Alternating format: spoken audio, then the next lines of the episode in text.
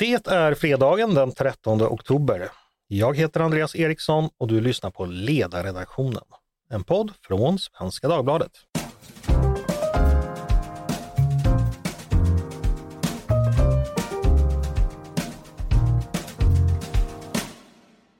Varmt välkomna till oss och till ännu en fredagspodd.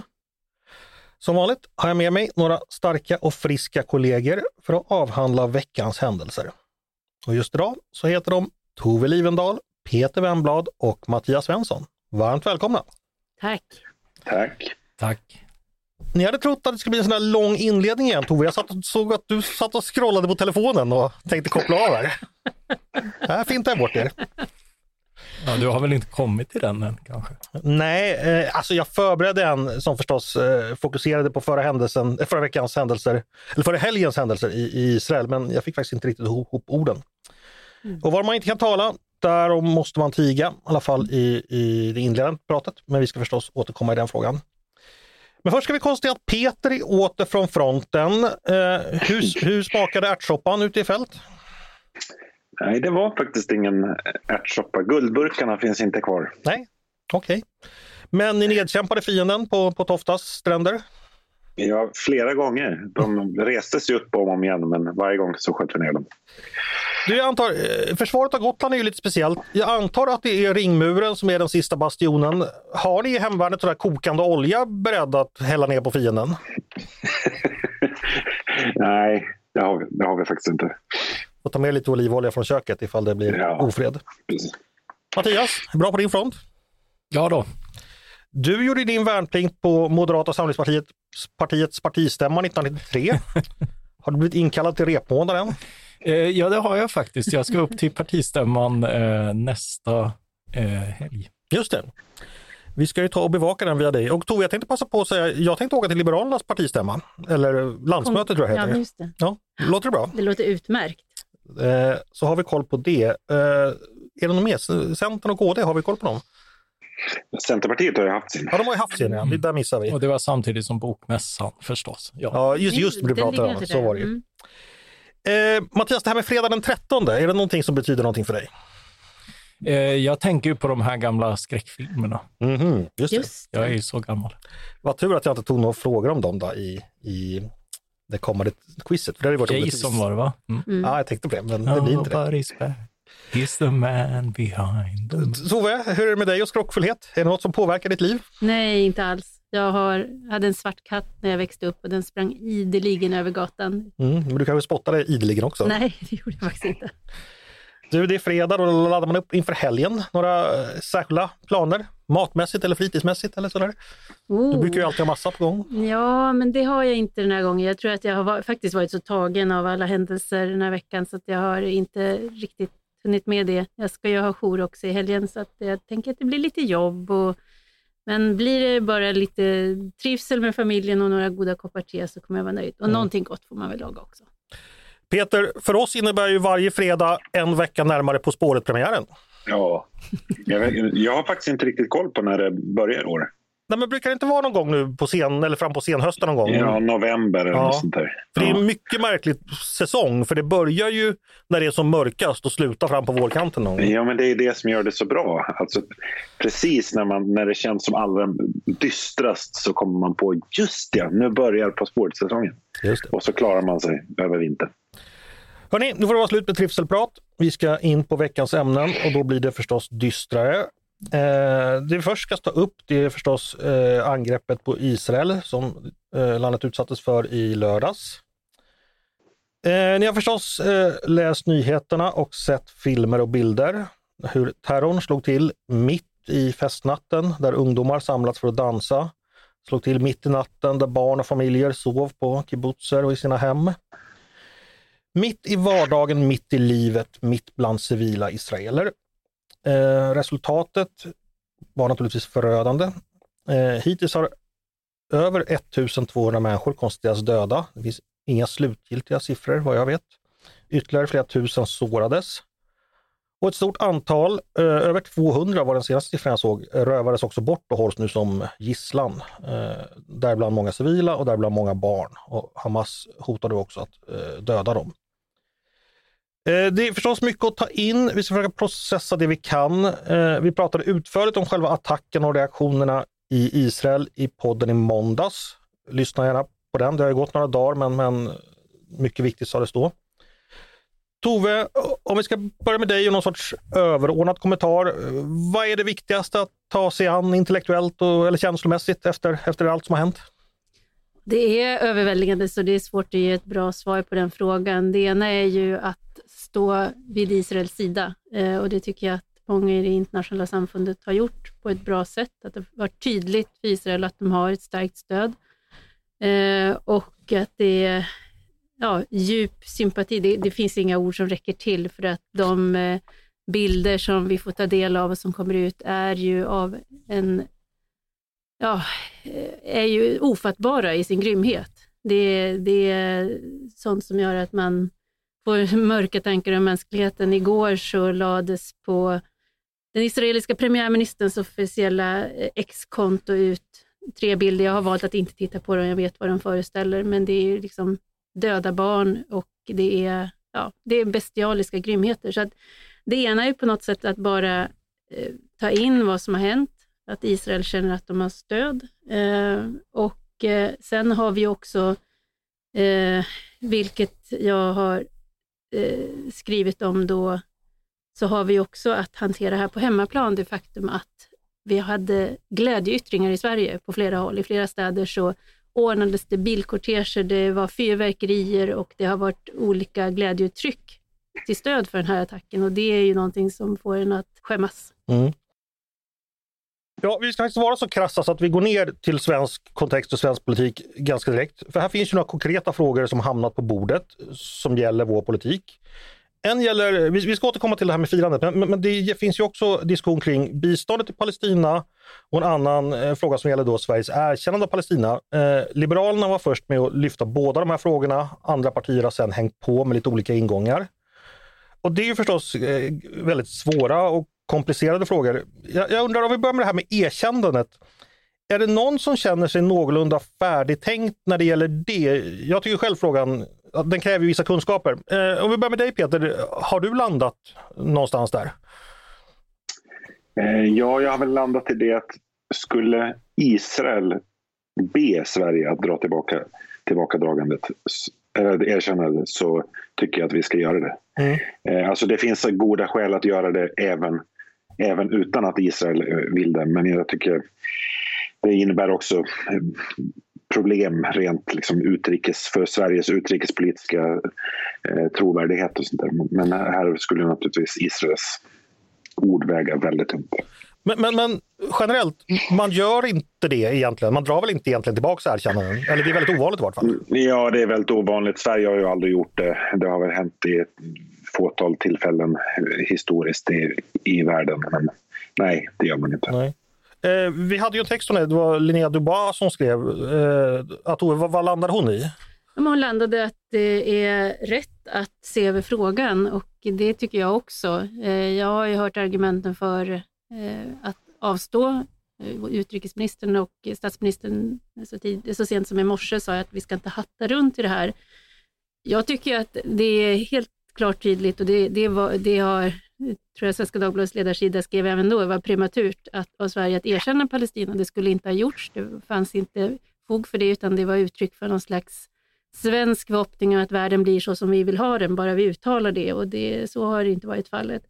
Och jag tycker ju att eh, nej, man ska inte äta runt för sakens skull, men man ska försöka stå för, för de ställningstaganden man har. Och är det då så att det nu övertydligt visar sig att det var prematurt, så tycker inte jag att det är något fel i att säga att ja, då får vi se över det här igen. Och, men sen är det precis som Peter säger, Israel har inte krävt det och ska man vara krass så gör det inte så stor skillnad kanske heller. Det blir ytterligare ordmagi på något sätt. Ja, exakt. Så det är ju mer för att vi kanske ska ha en position som vi känner oss mer bekväma med och ett litet signalvärde. Men det kommer ju inte ändra så att säga, fakta på marken att vi har en helt vi har ingen fungerande statsbildning i Palestina. Nej. Jag skulle säga det att det finns ju inget EU-land som, som under sin tid som demokrati erkänt Palestina förutom Sverige. Det finns en rad EU-länder som har gjort det tidigare, men det var ju i egenskap av satellitstater till Sovjet på 80-talet. Eh, demokratier i andra delar av världen, Australien, Japan, Kanada, Sydkorea och så vidare, har inte gjort det. Så att när Sverige gjorde det här så var det ett stort steg att, att liksom ett demokratiskt västland eh, gjorde det och det var ju väldigt omdiskuterat då. Eh, Mattias, jag vet inte, har, har, du några tankar av det här? Ja, eh, eh har du landat eller har du en åsikt? Inte annat än eh, att instämma. Alltså det, det är ju en, eh, ja, som sagt, det, det var, det var ett prematurt och dåligt beslut. Det låter ju ganska naturligt att korrigera det, men, men utrikespolitiken har ju lite grann sina egna, sina egna ritualer. Ja, det brukar vara jäkligt komplicerat, nästan som juridiken. ja. Okej, okay, eh, ja. eh, men då landar vi i att... Eh, men men ja. på något sätt, alltså den akuta frågan är ju att, att, att stå Israel bi och att på alla sätt eh, vi kan kringskära möjligheten för terroristerna att slå vidare. Eh, alltså, vad, vad vi kan göra där eh, mm. är ju viktigt att inventera och agera. För det för oss över till nästa fråga nämligen, som gäller då biståndet. Eh, svenska skattebetalare eh, har sedan 2010 skänkt ungefär 7 miljarder till Palestina. Ungefär eh, 700 kronor för varje svensk. Eh, nu har det bestämt att vi ska pausa det här biståndet. Eh, så vitt jag förstår så ska man utreda och tänka över det här. Orsaken är förstås att pengarna på något, vi vill inte att pengarna på något vis hamnar eller på något annat sätt gynnar Hamas och att eh, helt enkelt de här 700 kronorna vi skänker bort bidrar till terror. Samtidigt förstår ju alla att eh, fattiga människor, som många är i Gaza på Västbanken, eh, ibland mår bra av resurser utifrån. Ibland fungerar ju fast, faktiskt bistånd. Så Tove, hur ska man tänka här då? Ja, man ska här som i alla andra frågor säga att inga, ingenting måste vara satt i system. Vi måste hela tiden titta om vår intention uppfylls och får de konsekvenser vi vill ha. Och redan 97 så gjordes ju en utredning av Sveriges bistånd till Palestina. Eh, resultatet blev ett tydligt avrådande, att vi skulle upphöra med det, därför att vi kunde se att det hade gått till att göda en polisstat och eh, dessutom Arafats eh, elit med massa lyxvillor och sådana där saker. Den hemligstämplades. ju, den lades ju liksom i en malpåse och så körde man bara på. Eh, journalisten Wolfgang Hansson lyfte upp det här 2004 och sa att hörni, det här kanske inte var så bra. Så det är ju det, är det som måste ske nu, att vi måste ju, och det är därför det är bra att man har pausat och sagt att vi, bara, vi kör inte bara på, utan vi måste försäkra oss, oss om att inte en enda skattekrona ska gå till att göda Hamas. Mm. Därför att då innebär det att vi inte står Israel bi, utan att vi, vi, vi hjälper till i destruktionen och försöken av destruktion på, på Israel. Så där har vi ett ansvar för de pengar vi skickar iväg. Och, och det där är inte lätt eh, eller, eller finns några garantier för, eh, alltså nu, nu med reservation för att det är sånt som florerar på Twitter i krigstid och, och att jag, jag har inte dubbelkollat, men eh, Hamas har enligt uppgift eh, visat eh, hur de liksom tar upp vattenledningar som byggts då med sven, bland annat svenskt bistånd för, för att man ska kunna ha vattenförsörjning Eh, på Gaza och, och det gör man nu eh, vapen av. Mm -hmm. och, och, och, det, är, ja, det är väldigt svårt att ge bistånd som inte går till krigsinsatser på något sätt om, om, det, är, om, om, om det är så de som styr där agerar. Jag tänker att en sak som man kan göra nu, det är ju att nu, precis, eh, precis nu så har ju eh, Israel uppmanat invånarna på norra Gaza att förflytta sig, sätta sig i säkerhet och det finns ett 90-tal safe spots. Och sådana safe spots där civila palestinier, där kan man skicka hjälp. Alltså, där mm. kommer det att behövas vanliga förnödenheter. Det är ju ett sätt kanske att, att försöka se till att om, om Sverige ska hjälpa till med humanitärt bistånd så ska man försöka rikta det dit man vet att det verkligen gör den nytta man har tänkt sig. Men för det här är svårt, för att jag tänkte själv eh, att om man liksom personligen skulle bidra med bistånd, då, ja, både till Israel och, och, och Palestina då förstås, Eh, hur gör man då? Vilka, som alltid, vilka organisationer kan man lita på har säkra ingångar? Mm. Eh, det, det, det, är jättesvårt för att alltså vi ska komma ihåg att på Gaza så är ju fyra av tio personer är under 15 år. De är alltså, ja, inte straffmyndiga, men liksom, de kan inte ha något ansvar på det sättet. De är dessutom födda 2008 eller senare, vilket innebär att de är födda i ett Hamas-kontrollerat land. De vet ingenting annat än att växa upp med Hamas. Deras möjligheter att liksom välja någonting annat har ju varit obefintliga så att säga. Liksom. Så att, ja, det finns ju oerhört stora humanitära värden här. Eh, så det är kanske någon av er som lyssnar som har tips på organisationer som ni vet är bra och finns på plats där man kan skänka pengar. Jag skulle personligen jättegärna eh, ta emot eh, ett sådant tips.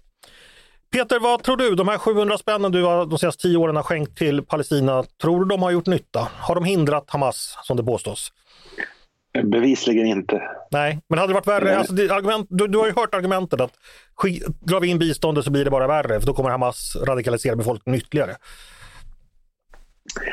Köper du det? Ja, alltså det är en jättesvår eh, fråga. Men alltså, generellt är det ju svårt att ge bistånd till, ja, om vi nu ska kalla för Palestina för en stat, men, eh, som både liksom styrs av en diktatoriskt och som är genomkorrumperat. Alltså, även om de organisationer som tar emot pengarna är väl, har vällovliga syften och kanske fungerar hyggligt så är det ju liksom det är, det är väldigt svårt att förhindra att det går in i, i korruption och till verksamheter som vi inte vill stödja. Mm. Men nu har man då alltså pausat biståndet. Det tycker vi alla är bra. Det är vi för. Ja. Ja, mm. ja. Är det någon som vet förresten hur det här utvärderingen ska gå till? Har vi fått veta det? Någonting? Eh, jag har inte hört så mycket. Det kanske klarnar. Nej, alla ser ut som fågelholkar. Vi får se. Ja. Eh, Men okay. det låter ju fint att säga. Precis. Eh, då går vi över till den tredje delfrågan här. Det gäller ju reaktionerna i omvärlden. Dådet har ju som Tove sa lett till en våg av opinionsyttringar i Sverige. Eh, yttringar som för många av oss framstår som oroande och otäcka. Hamas är ju en terrororganisation med, med vars hela syfte är att utplåna landet Israel. Och, och den terrororganisationen har hyllats på många håll, både i Sverige och utomlands. Och det har ju också följt med eh, antisemitism förstås, som ett brev på posten enligt tjänstmönster. Alla som är emot Israels agerande är förstås inte antisemiter, men, men rasismen har ju också ofta funnits insprängda i de här protesterna. Och de här eh, konsekvenserna har blivit mycket konkreta. Eh, judiska arrangemang har ställts in. Judar uppmanas att vara försiktiga i offentligheten och att undvika att visa undvika vissa platser helt enkelt och inte bära judiska symboler öppet. Eh, jag själv såg judiska bekanta på sociala medier som eh, ja, när det var möte på Medborgarplatsen helt enkelt inte. Man höll sig undan. Eh, just idag, fredag, har ju också av Hamas-ledare utropats någonting som på engelska heter Day of Jihad. Jag vet inte, stora jihad-dagen kanske. Ja, men då, då man ska visa sin ilska, som man uttryckte det. Jag vet att vissa judiska skolor i New York håller faktiskt stängt idag till och med. Eh, så konsekvenserna är ju, är ju väldigt stora. Eh, Tove, en fråga vi har ställt oss i 15-20 år. Vad gör vi åt de här strömningarna i Sverige? Ja, vi har ställt oss som länge. Jag gick tillbaka och tittade på artiklar som jag skrivit själv tidigare 2017 efter att det hade samlats 200 personer i Malmö och eh, talat om att döda judar. Mm. Eh, och Svaret är att det, det finns inga, det, det, finns inga enkla svar, för då hade vi, vi gjort dem. Det finns eh, det man kan fundera på är, finns det någon politiskt svar? Finns det, säga, vad kan staten göra? Vad kan samhället göra? Eh, och eh, här är det väl så att när det, om, om det är så att vi har personer som uppviglar och manar till våld, ja då är det ett brott. Och då måste Sverige bli bättre på att, att identifiera och där redan då, 2017, så var det så tydligt när man tittade på, på uppföljningen av hatbrott i Sverige, så det är väldigt låg uppklarande grad.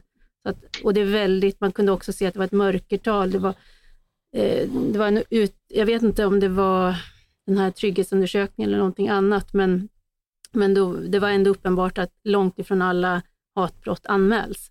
Så dels är det få som tar sig till rättsapparaten och av de som kommer dit så är det väldigt få som uppklaras. Så här finns det ju, vi har människor som begår olagligheter men vi förmår, staten förmår inte ta itu med det och det är mm. ett bekymmer. Men sen är det också det som har uppkommit nu. Jag läste en journalist som skrev på X eh, på lördagskvällen när det hade brutit ut att hon hade sett jämnåriga eh, lärare, läkare, socionomer som hade uttryckt sin glädje över det här terrordådet och det blir ju en delikat fråga för alla arbetsplatser att hantera. Vad gör man om man ser att ens lärare har jublat på nätet över att 260 personer eh, slaktades för att de hade varit på dans. Mm. Eh, hur, hur, hur, hur, tar man upp det? Hur blir den så att säga, arbetsplatsdiskussionen?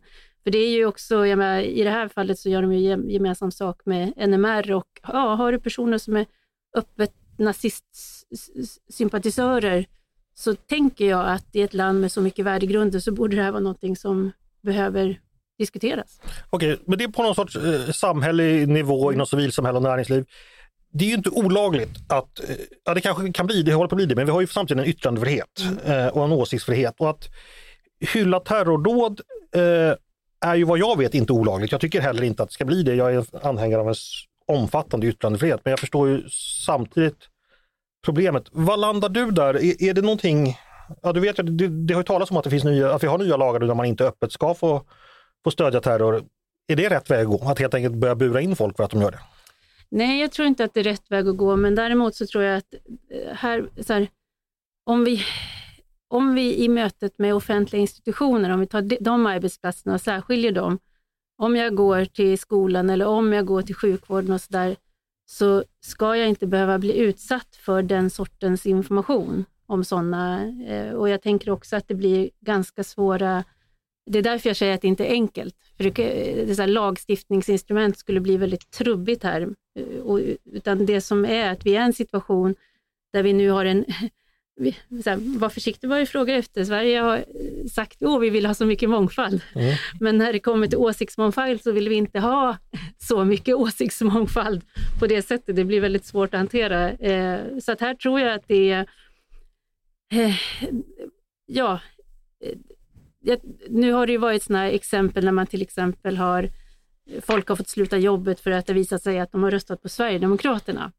Eh, jag tror ju inte att det är vägen att liksom försöka ha ett sådant samhälle där man ska ange och stänga ute och slänga ut det, men däremot så tror jag att vi blir viktigare att till exempel då på en arbetsplats så gör man sitt jobb, man kanske inte delar sina politiska uppgifter därför att det, blir, det blir, kommer bli en ohållbar arbetsmiljö. Du pläderar alltså för att ja, det blir ju ändå att folk ska hålla inne med sina yttranden och vara lite tysta ibland. Alltså vissa åsikter ska helt enkelt inte ha samma plats i offentligheten. Alltså det är ju en inskränkning du pratar om i alla fall. Offentligheten, jag vet inte, jag tänker bara att om jag, om jag är socialsekreterare ska sitta och hantera eh, som människor som är, kommer till mig i djupt eh, svåra situationer, jag ska kunna sitta och diskutera med kollegorna så blir det, ja, eh, det, finns, det finns en ganska gammal god tradition att Sverige att man ligger lite lågt med att prata politik med varandra. Kanske det är en tradition att hålla fast vid ännu mer när de politiska svängningarna har blivit så mycket större. Say hello to a new era of mental health care. Cerebral is here to help you achieve your mental wellness goals with professional therapy and medication management support. 100% online. You'll experience the all new Cerebral Way, an innovative approach to mental wellness designed around you. You'll get a personalized treatment plan from a therapist, prescriber, or both in a safe and judgment free space. Your cerebral therapist or prescriber will outline a customized plan with clear milestones along the way so you can get to feeling your best. With Cerebral, you're not alone in your mental health journey. We're here to empower you to live a fulfilling life. So take that first step towards a brighter future and sign up today at cerebral.com slash podcast and use code ACasts to get 15% off your first month. Offer only valid on monthly plans. Other exclusions may apply. Offer ends July 31st, 2024. See site for details. Mm, farliga vägar där kanske, Tove. Jag höjer en varningsfinger. Ja, absolut. Jag säger eh, inte att detta är enkelt. Eh, jag kastar in dig, Mattias. Eh, vad tänker du? Eh, avvägningen här, det, det, när vi pratar om åsikter vi tycker är väldigt obehagliga, men vi måste ändå förhålla oss till att vi är ett demokratiskt och tolerant land? Vad, vad, vad, hur ska man tänka? Eh, jo, men att vi är ett demokratiskt och tolerant land är ju också ett ansvar. Det är ju ett ansvar att bemöta, att bekämpa den typen av totalitära, våldsförhärligande och liknande föreställningar som även om de bara är uppfattningar, är uppfattningar som det är akut viktigt att bemöta. Där har skolan ett uppdrag till exempel. Där har också eh, offentliga myndigheter ett Eh, ett, ett uppdrag i att inte liksom, ja, på något sätt legitimera fel eh, fel värden och liknande. Alltså att, att, att vi har en eh, yttrandefrihet betyder också ett väldigt stort ansvar att, att bemöta yttranden.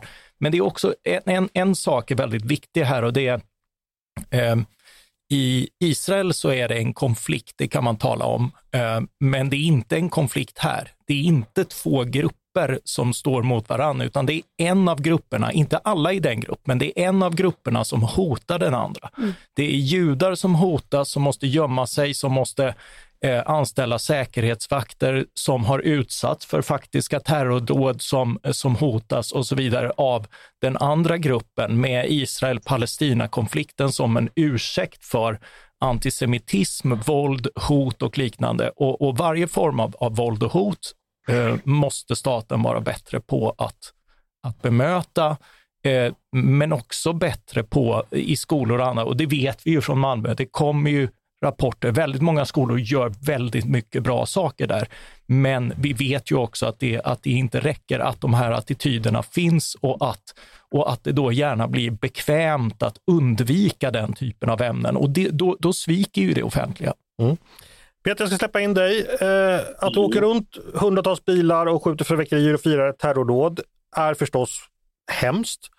Men vad kan och ska och bör göras åt det? Ja, ibland måste, måste man ge svaret jag vet inte. Nej, eh, inte om man är ledarskribent Peter. men, jag tänkte, men jag tänkte säga, det är ju faktiskt alltså vissa av de här, vår, Svenska Dagbladets juridiska kommentator Mårten Schultz har ju skrivit om det att vissa typer av eh, uttryck för stöd till Hamas kan ju vara eh, olagliga. Vi har ju ny terrorlagstiftning i Sverige sedan en tid tillbaka där mm. Eh, vad ska jag säga, uppmuntran till terror är, är kriminaliserat. Och, och, det är framförallt inte olagligt, tvärtom, att, eh, att samla in för säkerhetspolis, myndighet och liknande, att, att samla in information om folk delger den om sina terrorsympatier. Och, och, ibland är det folk som är så indiskreta att det där kan vara värdefullt och att det därför kan, kan vara... Det, utöver att det är principiellt tveksamt så är det också kontraproduktivt att att förbjuda eh, uppfattningar. Mm. Jag brukar säga att eh, terrorsympatisörer som åker omkring på gatorna och skjuter fyrverkerier och ropar ut sina terrorsympatier. Det är inte de som är riktigt... De har nästan en lugnande effekt på mig. Det är de som sitter hemma på kammaren och eh, gör annat som, som, som är annat. Eh, Okej, okay. eh, men vi ska inte hymla om att det finns vissa delar av politiken som är mer påverkade av förståelse eller där sådana här tankar har, har, har starkare genklang eh, inom vissa delar, delar av, absolut inte hela, men delar av vänstern. Det finns en socialdemokratisk riksdagsledamot som heter Jamal Haj som eh, då har figurerat i Hamas-sammanhang. Enligt Magdalena Andersson har ju, har ju han ägnat hela livet åt att bekämpa Hamas. Mm. Så jag tycker han borde ju vara ute i varenda spalt och varenda tv-soffa just nu. Varför bänkar man honom när han behövs som bäst kan man ju då, kan man då fråga sig. Men, eh, ja, det är en väldigt bra fråga. Ja. Eh, nej, men ärligt talat, han borde ju vara på plan och göra sin grej. Men... Ja. Och, och, och överhuvudtaget, alltså, eh, det, det här att du måste eh, ta avstånd från och sådär, det, det, det är kanske att begära för mycket, men, men liksom i en sån här situation att att inte agera mot den typen av, av fullständig hänsynslöshet är, är ju också ett val. Mm. Ja, men nu, här, nu fanns ju då ett tillfälle precis att markera var mm. man står någonstans, så att det inte finns några skäl att tvivla på, på en. Men, men nej, men och sen nu, nu kan man ju nu för tiden aldrig vara säker på att det man ser på bild verkligen stämmer, utan det kan ju vara montage och sådär. Men det har ju också florerat bilder på eh, och, och tidningsklipp på El Haj där han då inte har framstått som den främsta motståndaren till Hamas, utan tvärtom mm. eh, varit, varit sympatisör eller åtminstone varit väldigt befryndad med umgänget. Ja, och det har ju Magnus Ranstorp skrivit om också ja. hos oss. Ja, eh, precis. Eh, nu är det ju så här att det, har, det här har uppmärksammats i media och då har ju då anonyma socialdemokratiska röster sagt att ja visst, han är ett problem, men han har då en relation med en viss typ av väljare som sympatiserar med det och det är ändå bättre att de här väljarna röstar på oss så att liksom vi har en väg in mot dem och därför kan han inte säga vad som helst. Jag vet inte Tove, köper du sådana resonemang? Eh, nej, det gör jag inte, men jag tror att det, ligger, det är, kan finnas sådana cyniska kalkyler i det och det är klart att Det, det kanske är bättre att de röstar på sossarna än på Nyans kan man ju säga. Då kanske. Jo, och det finns ju, Moderaterna hade ju någon gång också tanken att man skulle, alltid, man skulle aldrig erbjuda något alternativ högerut, så att säga. Mm. Eh, och eh, då kan man fundera på, jaha, innebär det att man tar en för laget, så att det blir bättre för Sverige, eller blir det så att man korrumperar sin själ och hittar på ett argument för att kunna få bete sig hur som helst? Ah, jag vet inte, men jag är, jag är ju för mycket puritan för att vara partist längre, så att det är kanske fel person att fråga. Mm. Vi ska i alla fall göra en uppdelning här, som tycker jag är så viktig. Det är ju dels då opinionsbildare, journalister, politiker, alltså som har en offentlig roll i en sak. Sen finns det ju då gradvis, men, men sen liksom den enskilda människan kan jag tänka ibland att jag har en större förståelse för. Eh, ja, vem vet vad människor har för bakgrund? Man kan ha flytt från området, man kan ha haft familj som har lidit. Eh, ja, det kan finnas många anledningar till att folk blir dumma i huvudet helt enkelt. Liksom, man ska gå i andra skor innan man ska uttala sig. Eh, tänker jag är viktigt. Men, men på mm. politiker och journalist ska man ställa högre krav helt enkelt. Då ska man inte bara trumpeta ut sin, sin vrede även fast som finns där tänker jag. Eh... Apropå socialdemokrater så måste jag ändå hylla Nalin Pekgul som mm. idag gått ut och burit Davidsstjärnan för att visa att det här, det här handlar inte om eh, judar eller muslimer eller, eller vänster eller höger eller eh, så, utan det handlar om de som, de som är anhängare av demokrati, mänskliga rättigheter och respekt för alla människor och de som inte är det. Just det. Apropå journalister, tänkte jag prata Sveriges Radio Sjuhärad. Eh, det låter ju som en radio i Tolkiens Midgård, men det, det, det är faktiskt i Sverige.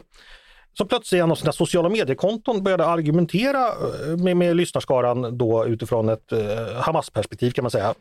Eh, enligt Sveriges Radio berodde det på att en av de anställda använt konton i tron att det var hens eget. Det låter ju som en plausibel förklaring, men Mattias, det är ju inte bra att sånt här sker. Eh, absolut inte. Alltså, och det är andra gången på kort tid som Radio P4 Sjuhärad är, eh, gör ett eh, så här oförlåtligt klavertramp. Ja, du får berätta om det första, det ja. var också mycket mystiskt. Ja, ja alltså de, de spred ju alltså falska uppgifter vidare om eh, Uh, vad heter han? Ja, vi behöver inte nämna namn, ja, en namngiven ja, polis. En, en namngiven polis. Som var hämtade från? Som var hämtade från en alternativ mediasajt som inte är med i det pressetiska mm. systemet och som, som helt enkelt hade fabricerat den här mm. uppgiften. Mm.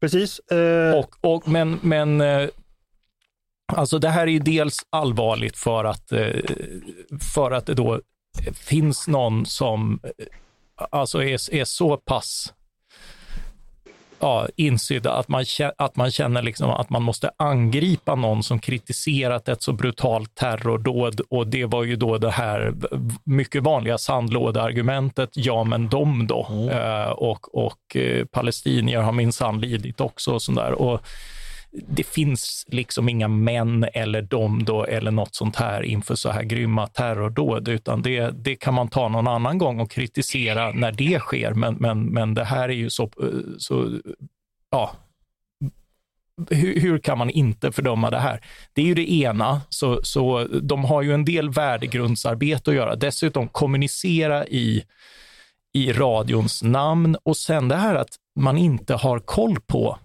eh, från ledningens sida vem som kommunicerat eh, utåt. För... Man har så många islamister så man vet inte vem av dem. ja, alltså eh, in, inte bara det, utan, utan också vem... Eh, för public service har ju en väldigt viktig uppgift i, i säkerhetspolitiska sammanhang. Vid terrordåd, vid eh, krigssituationer så är det enormt viktigt att, att det kommer korrekt information därifrån. Och det har vi pratat om tidigare, det är ju dåligt skött. Vad man skulle ha sagt är så här, vi reder ut det, vi kommer naturligtvis ta reda på vem det är. Vi kommer inte namnge personen av ja, uppenbara skäl, men det kommer inte hända igen. Lita nej, på oss. Nej, liksom. Precis, alltså, det, är, det är ett ledaransvar. Det handlar ja. inte om att kasta, kasta någon till vargarna, mm. utan, utan det, det handlar om att styra upp och kunna garantera att det här händer inte igen. Peter, du har, har du somnat till i Visby igen? Har du någonting att säga om saken? Jag sover dåligt ännu. Eh, men, men, men eh, ja, vi kan ju leka med tanken på att det inte var en eh, Hamas-apolet utan en SD-sympatisör som i Sveriges Radios namn hade argumenterat så här. Herregud, man hade kunnat driva Sveriges vattenkraft större delen av året enbart på fradgan från Björn Wimans vrede. Ni kan ju tänka er hur det skulle ha blivit. Eh, men så roligt ska vi inte ha. Då eh, tänkte fråga dig Peter, hörde du på Studio 1 förresten när representant för Israels eh, försvarsmakt var där och pratade? Ja, det var ju en eh, spännande upplevelse. Ja, det var ju... Ja, du kanske kan berätta för de som har missat det? Ja, alltså, det, det var ju en eh, representant för IDF, alltså den israeliska armén. Mm. Eh, och som beskrev en situation och där programledaren nu replikerade med att, att Hamas har en, jag kommer inte ihåg exakt hur orden föll, men att Hamas har en annan bild. Mm. Det var väldigt roligt. Det första de säger så här att ja, nu representerar du ena sidan, varpå han förvånat eh, genmäler Ja, skulle jag representera båda sidorna menar du? och sen så här, nej, nej, men Hamas har ju en annan bild och det är liksom då att en representant för ändå eh, en sida ett krig, ja, men det är en demokratisk rättsstat som dessutom Sverige är, har goda relationer med det, det, hans uttalande ska då kompletteras med, med den här terrororganisationen som precis har slaktat civila. Ja, det blev märkligt. Ja, men, och, och, ja, men precis. Och här handlar det ju dessutom om verifierbara fakta, det vill säga att huruvida Hamas bedriver militär verksamhet mitt bland civilbefolkningen. Mm. Och det är inte som att... Nej. det, det, vet vi ju. Det är inte fog of war här, utan det, det, det är ett väldigt Nej. klarlagt faktum. Hörni, vi ska sluta. Nu har vi pratat jättelänge om det här. Eh, liten strimma. Ja, jag bara säga, vill... Ja, jag vill bara, så att vi stänger den säcken ordentligt med biståndet här. Jag vill bara berätta hur det ligger till. Ja. Första december ska den här översynen vara klar, så det är en ganska snabb process. Och det är Sida som ska titta på utvecklingsbeståndet och det humanitära biståndet. Och man har då i år, så är det ju tanken att man ska få 165 miljoner och det är 57 av dem som ännu inte är utbetalda och som är frysta. Mm. Låt passa på... sen, så, sen så kanske vi också ska säga att biståndet till eh, Palestina var ju redan eh, kraftigt nedskuret i, i den mm. senaste budgeten. Ja, så var det. Redan innan det här hände. Jag ska passa på, jag, jag har försökt uh, göra en podd om det här i veckan. Uh, och då frågade bland annat Sida ifall de ville vara med och då hade de först inte tid och sen frågade jag så här att ni kan komma vilken tid som helst, jag ställer upp, men de ville helt enkelt inte vara med och prata om den här saken. Så, så därifrån tyvärr vill man inte informera. Då tänkte jag avsluta med en liten strimma av hopp. Uh, jag vet inte om ni håller med mig, men det här är min spaning att den antisemitiska strömningarna som jag pratar om, de finns ju inom vänstern ofta. Eh, absolut inte hela vänstern. Men jag har under den här veckan sett ganska många exempel på vänsterpersoner som sagt ifrån. faktiskt. Tittar man på sociala medier så är det inte sällan att det har utbrutit interna diskussioner. Så kanske, kanske börjar någonting hända. Eh, jag vet att många till vänster tidigare i enskilda samtal sagt att det finns en gråzon här som är problematisk som man går över. Nu säger man det öppet och man diskuterar. Jag vet inte om ni har sett det, men jag har gjort det. Och, och eh, man behöver ju liksom inte tvärvända, man behöver liksom inte börja deplattformera eller utesluta, men det räcker kanske en bra bit om man börjar prata om det här ändå i de här mm. kretsarna. Mm. Är det rätt att demonisera bara den ena sidan? Finns det fler perspektiv? Kan det vi säger tolkas till stöd, som stöd till vissa som är verkligt, ja ni förstår vad jag menar. Jag kanske är en naiv liberal, men lite lite strimma av hopp ser jag där i alla fall.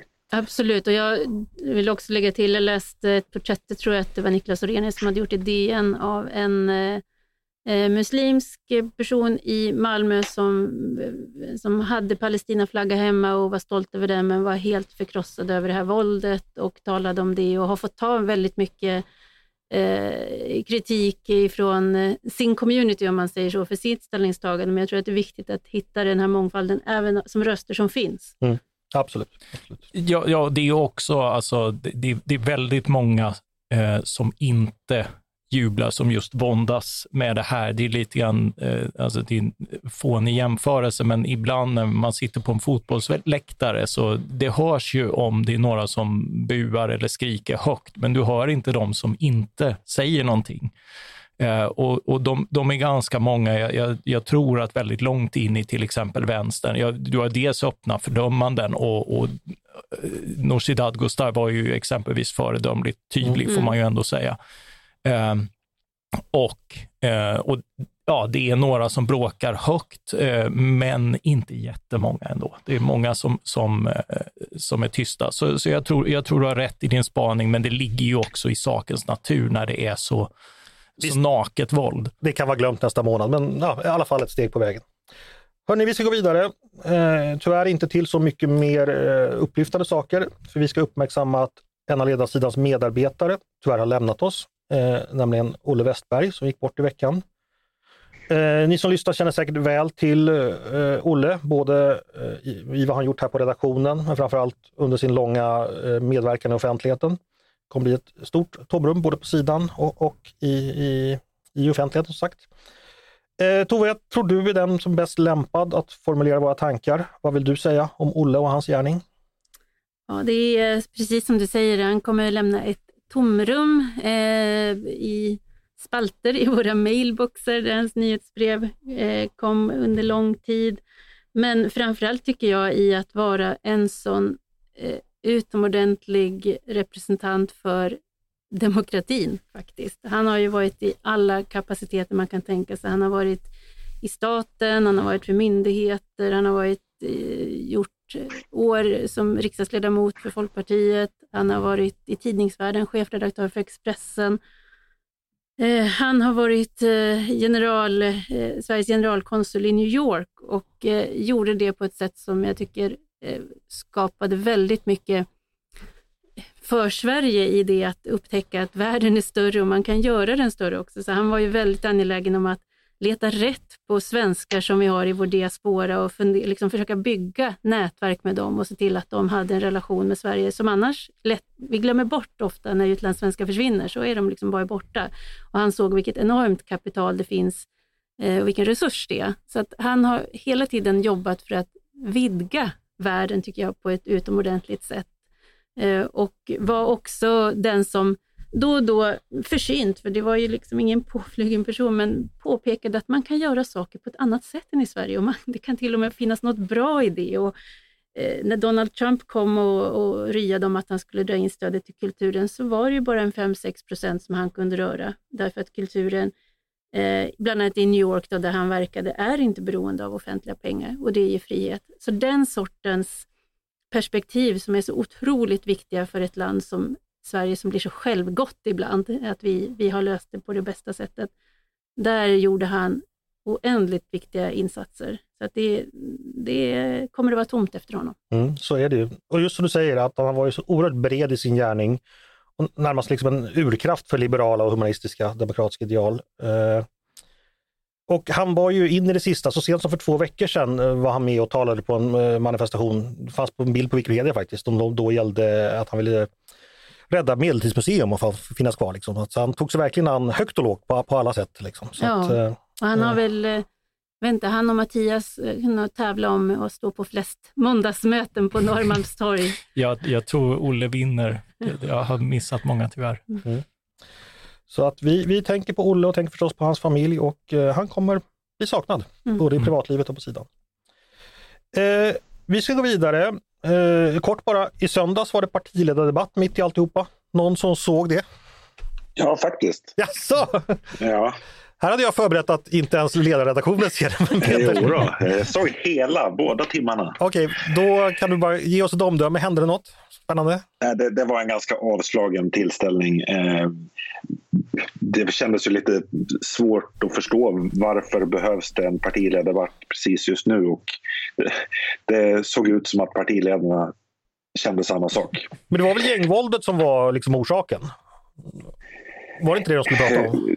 Ja, det var ju en av de stora frågorna, men det var, ju, det var ju även klimatet och ja, nu kommer jag inte ihåg vad det var eh, ytterligare. Men det var, det var ganska avslaget, men på sätt och vis var det bra därför att det blev en eh, mindre affekterad eh, diskussion och eh, uppstod faktiskt en, en del oväntade allianser i, i sakfrågor mellan olika partier. Oj, vilka då? Eh, ja, det, ja, men det var... De har du glömt. ja, det, precis. Nu har jag glömt det. Men, eh, men eh, det var Johan Persson höll med Nooshi Dadgostar och det var... Eh, ja, det, det fanns några sådana oväntade grejer. Det låter ju som rena ormgropen det här. Eh, en sak tyckte jag var kul, det var att de helt plötsligt började tala om hur man var ledarstil. Och det är ju lite ovanligt, men, men det ledde ju blixtsnabbt fram till då antar jag, att man skulle börja prata om den kritik som har förts fram mot Märta Stenevis eh, ledarskap.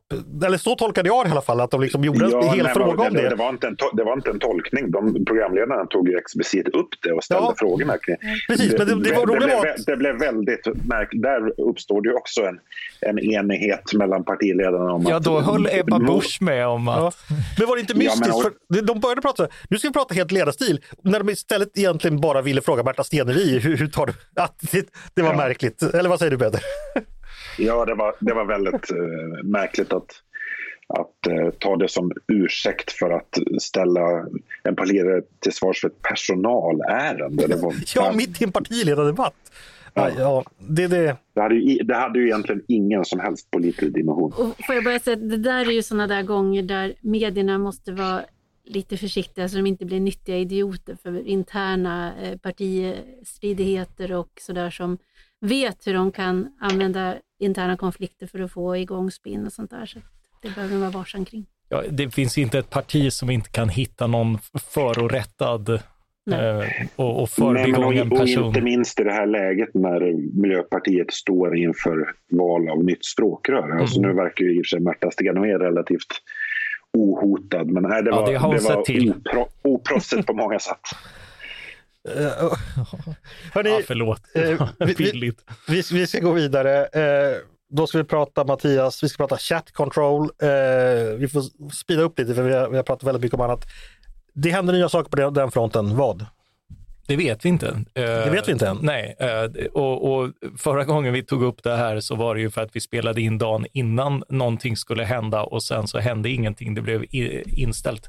Men det har inte gått att få tag på kansliet och det har inte gått att få tag på någon av ledamöterna från det här mötet. Så det känns ju väldigt mycket det dåliga samvetets energi, för om regeringen gör något bra så brukar de vara bra på att kommunicera ut det alla två gånger eller något. Okej, vi ska säga nu att vi spelar in det här på fredag eftermiddag och ja. i, i, i, talande stund så vet vi helt enkelt ingenting. Nej. Då får vi återkomma till frågan helt enkelt. Uh, ja, vi, vi, vet ju det att, att regeringspartierna dessvärre uh, tycks driva en yxskaftslinje eller uh, ha kakan och äta den linje som, som går ut på att man vill gå vidare med chattkontroll därför att man tror sig ha förslag som kan göra det både inte integritetskränkande, eh, bevarad kryptering och effektivt mot de, det föregivna syftet att, att gå emot eh, online. Eh, nu har det precis kommit in en nyhet här. Uh, det är då att eh, Kristdemokraternas partifullmäktige beslutar vem som ska toppa partiets lista inför valet till EU-parlamentet. Och det blir Sara Skyttedal minsann. Va? Vilken comeback Oj. va? Peter, vad säger du? Ja, jag såg också precis. Den största eh, comebacken sedan Jesus låter det som. Mm. Nej, den största sedan Stone Roses. Men... Va, vad hade de i den fredspipan? Ja, precis. Intressant, det här får vi eh, prata mer om. Eh, hörni, vi ska gå vidare och då står det i mitt manus tokmoderater. Tyvärr inte på ett bra sätt utan en ny typ av tokmoderater. De vill inte släppa knarket fritt. De tycker inte skatt är stöld. Utan Peter, vad tycker de? Ja, jag vill kanske invända mot termen tokmoderater. Men, ja, särskilt med eh, de frågorna. Ja, nej, men vi har ett antal moderater som med anledning av de här liksom, förfärliga demonstrationerna eller förfärliga firandena av eh, terrorattacken i helgen har vad ska man säga, har väldigt breda förslag för vad som ska betraktas som bristande vandel och eh, diskvalificera människor för att befinna sig i Sverige. Mm. Och de heter? Eh, ja, den som jag då framförallt haft en diskussion med justis, Moderaternas eh, gruppledare i justitieutskottet, Louise Meijer, som då menade att den som inte, att man måste göra sitt bästa, bidra, eh, omfamna demokratiska värderingar och, eh, eh och sekularism. Och gör man inte det så bör man inte befinna sig i Sverige. Mm. Och vi hade också Oliver Rosengren, en annan moderat riksdagsledamot som eh, redan i början på veckan talade om att den här vandelsprövningen då Eh, ja, med anledning av att man, de som hade firat att då sådana personer helt enkelt borde slängas ut ur Sverige. Eh, Peter, är det rakt genom fel det här eller finns det någon, om man gör en snäll tolkning, kan man göra det och hitta något vettigt? Ja, så om man gör en snäll tolkning så, så är det ju här någon slags uttryck för att det måste ställas krav för att få medborgarskap. Men i det här fallet var det ju utspel angående människor som man inte visste vilka de var, om de är, är här med uppehållstillstånd eller om de är svenska medborgare. Eller, så det var bara det faktum att de hade viftat med, med palestinska flaggor och skjutit fyrverkerier. Mm. Och då skulle man ut. Eh, ja. Mattias, vad, vad tänker du om den här typen av åsiktsströmningar inom Moderaterna?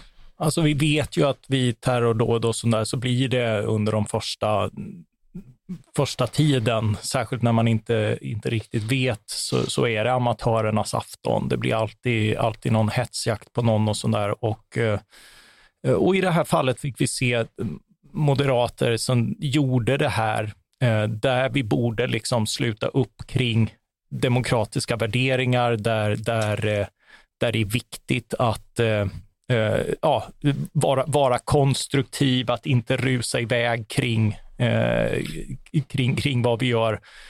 Eh, så istället så gjorde man det här till en, en tävlan om vem som kunde posera med att på mest rättsosäkra grunder utvisa så många människor som möjligt. Var det här motsvarigheten till de som åkte omkring och sköt fyrverkerier och, och hyllade terrorrådet, fast åt andra hållet så att säga? Nej, Eh, alltså det är ju en exempellös ondska, det går ju inte att komma ifrån. Fast det här var riksdagsledamöter? Eh, eh, ja, men, men, men så här, alltså det, det är ju snarare så att vi, vi har en högre förväntan på de som bär ett riksdagsuppdrag än, än att man ska ut och liksom vädja till människors sämsta sidor och, och, vifta med ny lagstiftning i samma ögonblick som vi är som mest affekterade. Vi, vi har levt i, i terrorns skugga åtminstone sedan 11 september 2001. Eh, och, och eh, vi brukade kunna hålla på att, att det är viktigt att inte eh, eh lagstifta i affekt, att inte att, att liksom tänka över vilken typ av samhälle vi vill leva i och sånt där. Eh, och jag tror och hoppas att de flesta ändå, ändå inte vill leva i, i samhällen där vi utvisar människor som bott här och bor här på väldigt tveksamma och godtyckliga grunder. Mm. Hypotes från mig, som jag, jag är osentimental folkpartist och kan betrakta Moderaterna utifrån. Partiet är inte idag längre det ideologiska stabila idéparti det en gång var. Eh, det började under Reinfeldt då Moderaterna släppte allt vad ideologi och tankeskärpa hette. Började jaga pärlhalsband och blev nya moderater. Alla svängde blixtsnabbt åt ett håll. Sen runt 2015 så vände allting åt andra hållet och gänget som hade ropat leve jobbskattavdraget är nog samma gäng som vrålar leve Tidöavtalet. Och det gör att man inte helt enkelt har den stadga, den tankeskärpa, den ideologiska ryggrad som tidigare funnits. Tove, vad tror du om det? Du som gammal moderat, är jag väldigt elak då? Eh, nej, men jag skulle jag ger dig bara delvis rätt. Det är klart så här att när Moderaterna eh, kommer nära regeringsmakt så då blir det ju så att prioriteringar blir annorlunda. Det blir ju det är lättare att vara att ha en distanserad blick på staten och statens makt än när man ska förvalta staten och ratta den så att säga. Man, man är så att säga bärare av den. Så det är väl det ena som händer, att perspektiven förskjuts beroende på hur nära makten man är och inte. Och eh, jag, jag har ju uppskattat Moderaterna ideologiskt mest när de varit som längst ifrån regeringsmakten, för då har de varit mest renläriga. Bra, det både folkpartist i dig. Ju färre vi är, desto renlärigare är vi. Exakt. Och då blir man också lätt en ökenvandrare, som jag har fått epitet eh, tidigare att vara. Eh, men sen är det klart att jag, jag, jag, hade en notering här, jag skrev i mitt lilla, på min lilla post-it här för jag skulle komma ihåg någonting. Och, då, eh, så, och det var apropå Louise May jag tror att man inte ska man behöver inte nödvändigtvis tolka det hon skrev som att det här vill hon göra lagstiftning av, utan jag tror hon ville ha ryggdunk på Twitter. Eh, men men då så skrev jag regeringsbärande partiet. Det är det ju inte. Det är Sverigedemokraterna som är det regeringsbärande partiet. Det är Moderaterna är största regeringsparti och det är någonting annat. Och det gör ju också, det, det, imorgon fyller Tidöavtalet ett år och, eh, ja, och det blir ingen tårta på den här redaktionen eh, för det. Men, eh, utan det är bara det, det, är vad det är, det vill säga det regeringsbärande partiet är inte ett borgerligt parti och man kan inte heller därav ha förväntningar på att det ska bli så mycket borgerlig politik som vi skulle önska. Sen kommer vi att jaga dem på det såklart. Men det är, det är liksom flera delar tror jag som förklarar eh, Moderaternas förmåga att hålla sig liksom, nära sina ideal. Mm. Peter, men, du, du öppnade, Mattias ja, ville säga någonting? Ja, ja, men det här, eh, dels så verkar alltså jag, jag håller ju med dig, det finns en kompasslöshet och många av de här, eh, Louise Meyer, om jag inte missminner mig, var, var, var rätt mycket Refugees Welcome före 2015. Eh, Eh, och det är lite grann den här, som när Gunilla Carlsson blev kollektivavtalsfantast, eh, när, när partiet då under Reinfeldt piskades in till att bli eh, att, att acceptera arbetsmarknadsregleringarna så att, så att man kunde lägga den konflikten vid sidan om. Och, och några då, gjorde då liksom enormt stor dygd av den nödvändigheten. Och, och man bottnade inte i retoriken utan blev då överentusiastisk och lite nyfrälst. Eh, och, och, det här är ju lite samma sak och vi har sett det tidigare när när liksom moderater eh, ut, uttrycker sig på Twitter på, på ett sätt som, som egentligen inga sverigedemokratiska riksdagsledamöter gör, utan, utan liksom det, det, är ännu mer liksom eh, twittra ut varenda brott som har begåtts, i alla fall före det blev regeringsskifte och sånt där. Eh, och, och, på samma sätt nu med de här förslagen, därför att de, det är liksom blåbärsresonemang, det är Jimmy Åkessons pojkrumsfantasier om, om, om militärer på gatorna och sånt där som, som dyker upp i sådana här lägen eh, fast, fast det inte är genomtänkt och inte lösningen på någonting. Därför att vi har begränsade resurser och, och börjar, börjar vi liksom skicka polis och verkliga utredningsresurser på folk som, som vi de facto inte tror är, är något större hot, just de här öppna flaggviftarna, eh, då, då är ju risken större att man missar de som faktiskt är hot. Tove, du ville säga något? Ja, eh, ytterligare en förklaring i detta som handlar om det här att man blir liksom på något sätt bara säga, konvertiter, är så här jätteivriga. Det är ju det som Katarina Berling, eh, vår kolumnist, har pekat på i sin forskning. Hon har tittat på hur, hur funkar olika partier och Moderaterna är ju ett, ett hierarkiskt parti. Man tittar uppåt, man funderar på okej, okay, vad vill ledningen ha och så gör man ungefär det och gärna liksom lite mer. Och det kan ju då kontrasteras till exempel mot Märta Stenevis maskrosor som vägrar liksom någon hierarki och bara tror jag har en ryggradsmässig instinkt att det ska vi vara emot. Så, att säga. så, så den, den saken finns där och, eh, vilket kanske inte behövs sägas, men jag säger det i alla fall, att alla partier känner ju så ett enormt tryck, både från sina väljare men också tror jag själv, det är ju vanliga människor det också, av att ja, vi, vi vill så gärna komma ur den här situationen. Peter, hur oroad ska man vara över det Mattias kallar kompasslöshet, att det kommer eh, ogenomtänkta utspel som ändå har att göra med ganska grundläggande och viktiga rättigheter och frågor? Ja, nej, men jag är orolig. Eh, alltså, farhågan med till exempel, jag är inte liksom egentligen främmande inför det här med vandelsprövning. Eh, men risken är ju att det blir en slasktratt. Och nu har liksom flera ledande riksdagsledamöter visat att det, att det finns säga, fog för den farhågan. Därför att de är beredda att, att fylla det med i stort sett vilket innehåll som helst. Mm. Men då, då tar vi med oss det och så håller vi vaksamhet där helt enkelt framöver. Nu ska vi gå vidare, för det blir dags för mitt favoritmoment. Det är det som jag kallar svar direkt. Då jag stresstestar mina kollegors politiska reflexer och förmåga att blixtsnabbt skilja gott från ont. Det går helt enkelt till så att jag likt en stickare från Jens Fjällström i djupet når Steve Galloway. Sticker mina kollegor med några nyligen lagda förslag eller nyligen fattade beslut. Och då vill jag förstås att de nätar som Steve Galloway gjorde mot IFK Göteborg sen hösten 1988. Minns du det Mattias? Ja, eh, eh, Galloway, ja. Nätar gör man genom att säga ja eller nej eller vara för eller emot och fort ska det gå. Helt enkelt svar direkt. Då börjar jag med att säga så här. Eh, polisens beslut att tillåta muslimsk slöja till uniformen är under all kritik och förtjänar att kritiseras.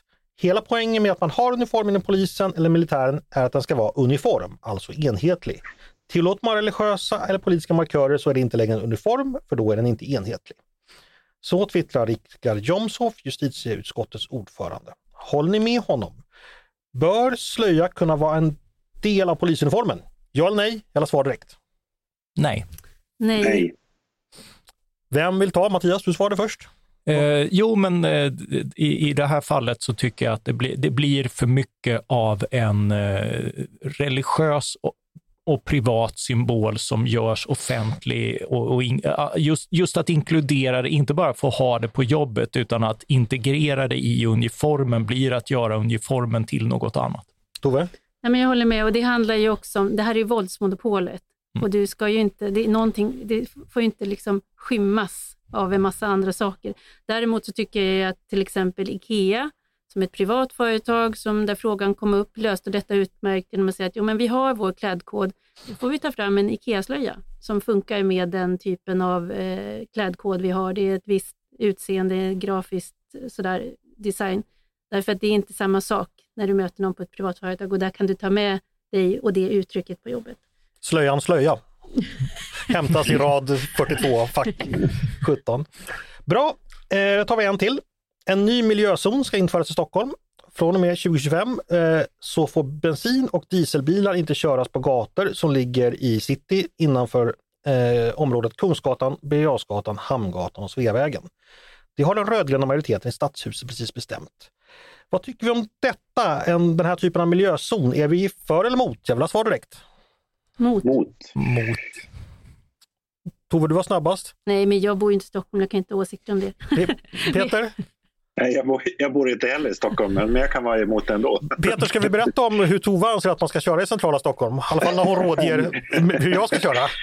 Ja, det, det får vi ta en, e- en egen podd Nu får vi ta en egen podd. Jag kan säga att jag, jag följde inte de eh, föreskrifterna. Eh, nej, Okej, vi gör tummen ner. Mattias, du är ändå, har ju ändå studerat de här frågorna. Kan det finnas en, ingen poäng i att liksom skapa incitament för Eh, jo, det, jo, det är klart att det finns, eh, det finns en poäng eh, och, eh, och jag förstår, men det, det är lite grann symbollagstiftning när man eh, med, med den här typen av förslag. Jag, jag förstår att man vill eh, premiera eh, och, och det vore ju bra eh, för innerstadsluft, för, för bullerföroreningar och annat. Den, den, dag, den, den dag vi har en, en bensin och, och dieselfri flotta så kommer stadsboendet att bli mycket bättre. Eh, Men, men att detaljreglera på det här sättet skapar också problem som, som gör övergången svårare. Stort tack för det, det. här, ja, men det här är dessutom om ett område där det kör ganska begränsat med, med bilar. Alltså det är omgivet av väldigt trafikerade gator så att resultatet blir inte bättre luft, bara att man gör livet surt för, för människor som råkar ha behov av att passera det området. Tummen ner alltså. Eh, då ska vi gå vidare. Och då har det faktiskt blivit dags för mitt favoritmoment. Det vi kallar Är du smartare än en ledarskribent? Ni känner vid det här laget väl till momentet, men för nytillkomna lyssnare ska jag kort förklara vad det går ut på. Det handlar om en hetsk tävlan mellan alfahannar och alfahonar. Eh, de gör allt för att krossa varandras intellektuella rykte i en kamp där varje sekund och varje stavelse kan avgöra. Otäckt låter det och otäckt är det. Och jag kan ju berätta att Peter redan i morse eh, började psykkriget genom att säga att jag har sånt läge, jag har sånt läge eh, så att, eh, Ja, men, ja, men och nu, så, nu såg jag dessutom att Tove sträckte över post-it-lappar. Jag misstänker att det är med de förberedda frågorna. Nej, det är för att Andreas ska kunna räkna. Det har ju fallerat några gånger. Mattias kommer ju då från en eh, full- fullkomligt förkrossande seger förra veckan. När Peter fick höra talas om den så började han genast eh, slipa eh, Mausen från hemvärnet. Vi ska börja bara med en kort rättelse från förra veckan. Eh, Kontiki var förstås inte byggd i vass, den var byggd i balsaträ. Eh, det som var byggt i vass, det var ju eh, ra förstås. Vassistas, Eh. rasist vass. Eh, Så nu vet ni det, ni kan skippa fler vassa rättelsemejl. Reglerna kan ni, man svarar genom att säga sitt namn. Vill man chansa innan jag läst färdigt frågan så får man det, men då slutar jag läsa och man får ett minuspoäng om man svarar fel. Ett svar per fråga, vinnaren får en veckas evig ära. Okej med alla? Ja. Ja, Eh, det är ju fredag den 13. Jag misstänker att vi haft sånt tema förut, men jag hoppas att frågorna ändå är nya. 13, då tänker jag på 13 Days, en film med bland annat Kevin Costner. Vilken historisk händelse handlar den om? eh, Peter. Peter? Kubakrisen, va? Ja, precis. Har ni sett den? Nej. Nej. Nej. Jättebra film faktiskt. 13 är ett primtal. Om man räknar uppåt, vilket är nästa primtal? Mattias, Mattias? 17. Snyggt. Uff. Hörrni, 13 års ålder brukar ibland associeras med den ålder en pojke eh, som iakttar judiska religiösa seder blir eh, myndig. Då har man ibland en ceremoni. Vad Mattias. det? Mattias? Bar mitzva. Visst är det så. Mer 13. Det trettonde tillägget till den amerikanska konstitutionen antogs av kongressen 1865. Vad innebär det? Tänk på Oj. år, årtalet. Ja, Mattias, Mattias? är det avskaffandet av slaveriet? Det är det såklart. Eh, all men are created equal eh, var ju inte riktigt all men då när man, Nej, när nej. man skrev det i början.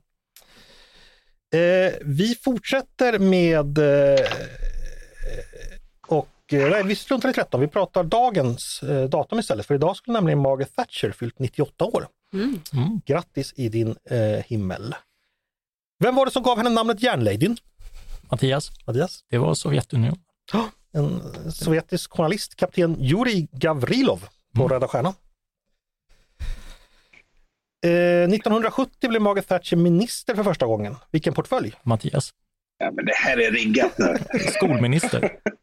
Ja, Men, men Thatcher, apropå att den här journalisten hette, eh, hade ett kaptenstitel. Kan vi inte ha sådana gradbeteckningar även på vår redaktion? Mattias, är- eller på, på, på, Peter, är, är du fanjunkare eller vad är du för? Nej, jag är menig. En sista Thatcher-fråga. Hon var en av de politiker som tidigast var ute och varnade för global uppvärmning och andra miljöproblem. Hon var också en, också en av de politiker som mest drev på för ett internationellt avtal för att minska utsläpp. av- Mattias. Det där är Montrealprotokollet. Ja, vad kallas det avtalet? Undertecknat 1987. Ja, för att fasa ut freoner, Mm. för att rädda ozonlagret. Ja, vilket det gjorde också. Mm. Peter, nu, nu, nu får vi strunta i, i, i Margaret Ja. Thatcher. här. Det, det är orättvist. Nu kommer några frågor om eh, Visbybataljonen. ja, nej. Eh, en annan som fyller år idag, det är Paul Simon. Eh, han fyller 82 år. Och då tänker jag förstås på historien när jag och mina föräldrar i min barndom vandrade omkring på gatorna i Örnsköldsvik. Vi passerade två gatumusikanter som spelade I am a rock. Min pappa lyssnar på låten och säger det här är ju Simon and Garfunkel. Varpå min mamma som inte vänt sig om svarade nej det tror jag inte, det måste vara något lokalt band. Så roligt kan man ha. Eh, Simon and Garfunkel, Here is to you Mrs Robinson från filmen Mandomsprovet. Vem spelade huvudrollen? The Graduate. Tove, Tove? Dustin Hoffman. Ja, det är klart det var. Ja, fan. Eh, Simon and Garfunkel. 1981 uppträdde de på en konsert som samlade inte mindre än 500 000 människor.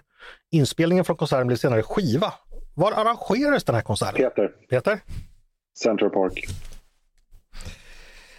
Det var rätt. Eh, mer fredag den 13. Det finns lite olika teorier varför just 13 är ett oturstal.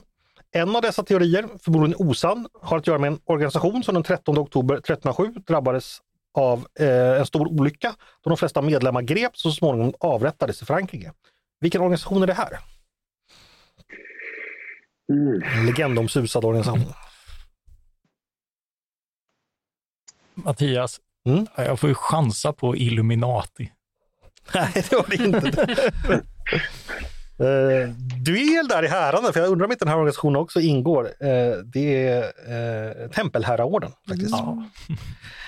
En annan teori, antagligen också osann, är att 13 är ett oturtal för att det satt 13 personer vid bordet vid den sista måltiden. Nämn minst av en av dem som var med som inte är Jesus, Judas eller Petrus. Ja, Mattias. Eh, Den Peter. sista måltiden. Ja, Pet- Nej, förlåt. Glöm det. Mattias? Ja, Matteus måste jag ha varit med. Du, nu måste jag faktiskt dubbelkolla detta. Eh... Fanns det en lärjunge som hette Matteus? Nej, Fanns det, det är en apostel. Nej, det, ja, Det är fan, en, det är en apostel. evangelist. Ja, ja, Eh,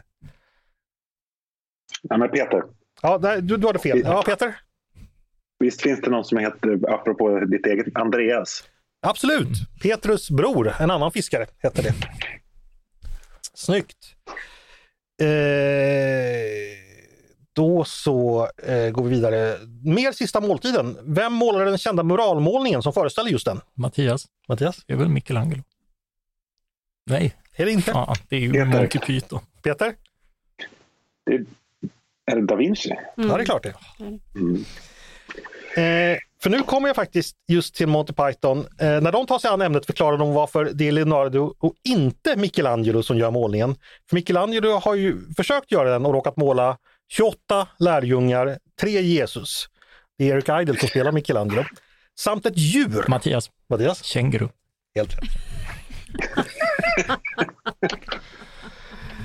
Och det var den sista frågan. Har ni, ja, du har sett den sketchen förstås, har ni andra sett den? Den Jag, jag, jag, jag brukar ofta citera påvens slutord, att eh, jag vet inget om konst, men jag vet vad jag tycker om. Det, det är min inställning till väldigt mycket. Eh, Michelangelo kallar ju påven för bloody fascist. Så, I'm the bloody pope. Han frågar ju också och, och, och, ehm, att det, det ska vara tre, eh, det är tre Jesus och det and, motiverar and, and one Christ. One! Precis. Och det motiverar han med att the two skinny ones evens out the fat one.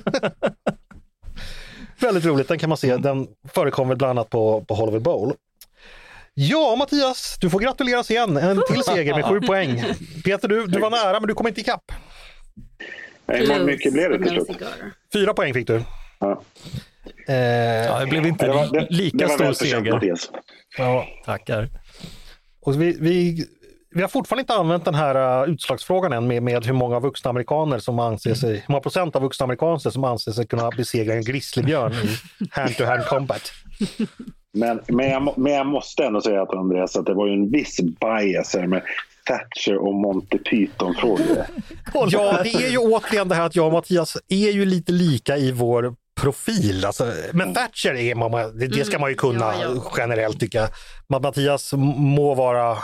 Ja, nej, det, det, men Monty Python, visst, visst. Det, det, det, det, det tar vi inga fler frågor. Hörrni, No further questions, your honor. då är det väl dags att tacka för oss. Tove, har du någonting att tillägga? Nej, jag vill önska en trevlig helg och eh, just det här, själv försöker jag gå ut och in i det här liksom med det mörka men också hitta de här ljusa och fina stunderna eh, därför att det behöver vi. Så att man ska också se till att göra någonting bra och på det temat så får man en kolumn med inspiration imorgon av Edvard Blom. Väl talat. Stort tack Mattias Svensson, Tove Livendal och Peter Wennblad för att ni var med mig idag. Ett nöje Tack. Tack. Andreas. Och stort tack också till er som har lyssnat på Ledarredaktionen, en podd från Svenska Dagbladet. Ni är varmt välkomna att höra av er till oss på redaktionen med tankar och synpunkter på det vi precis har diskuterat. Eller om ni har idéer och förslag på vad vi ska ta upp i framtiden. I båda fallen så mejlar ni till ledarsidan snabla svd.se. Dagens producent, han heter Jesper Sandström. Själv heter jag Andreas Eriksson och jag hoppas att vi hörs snart igen.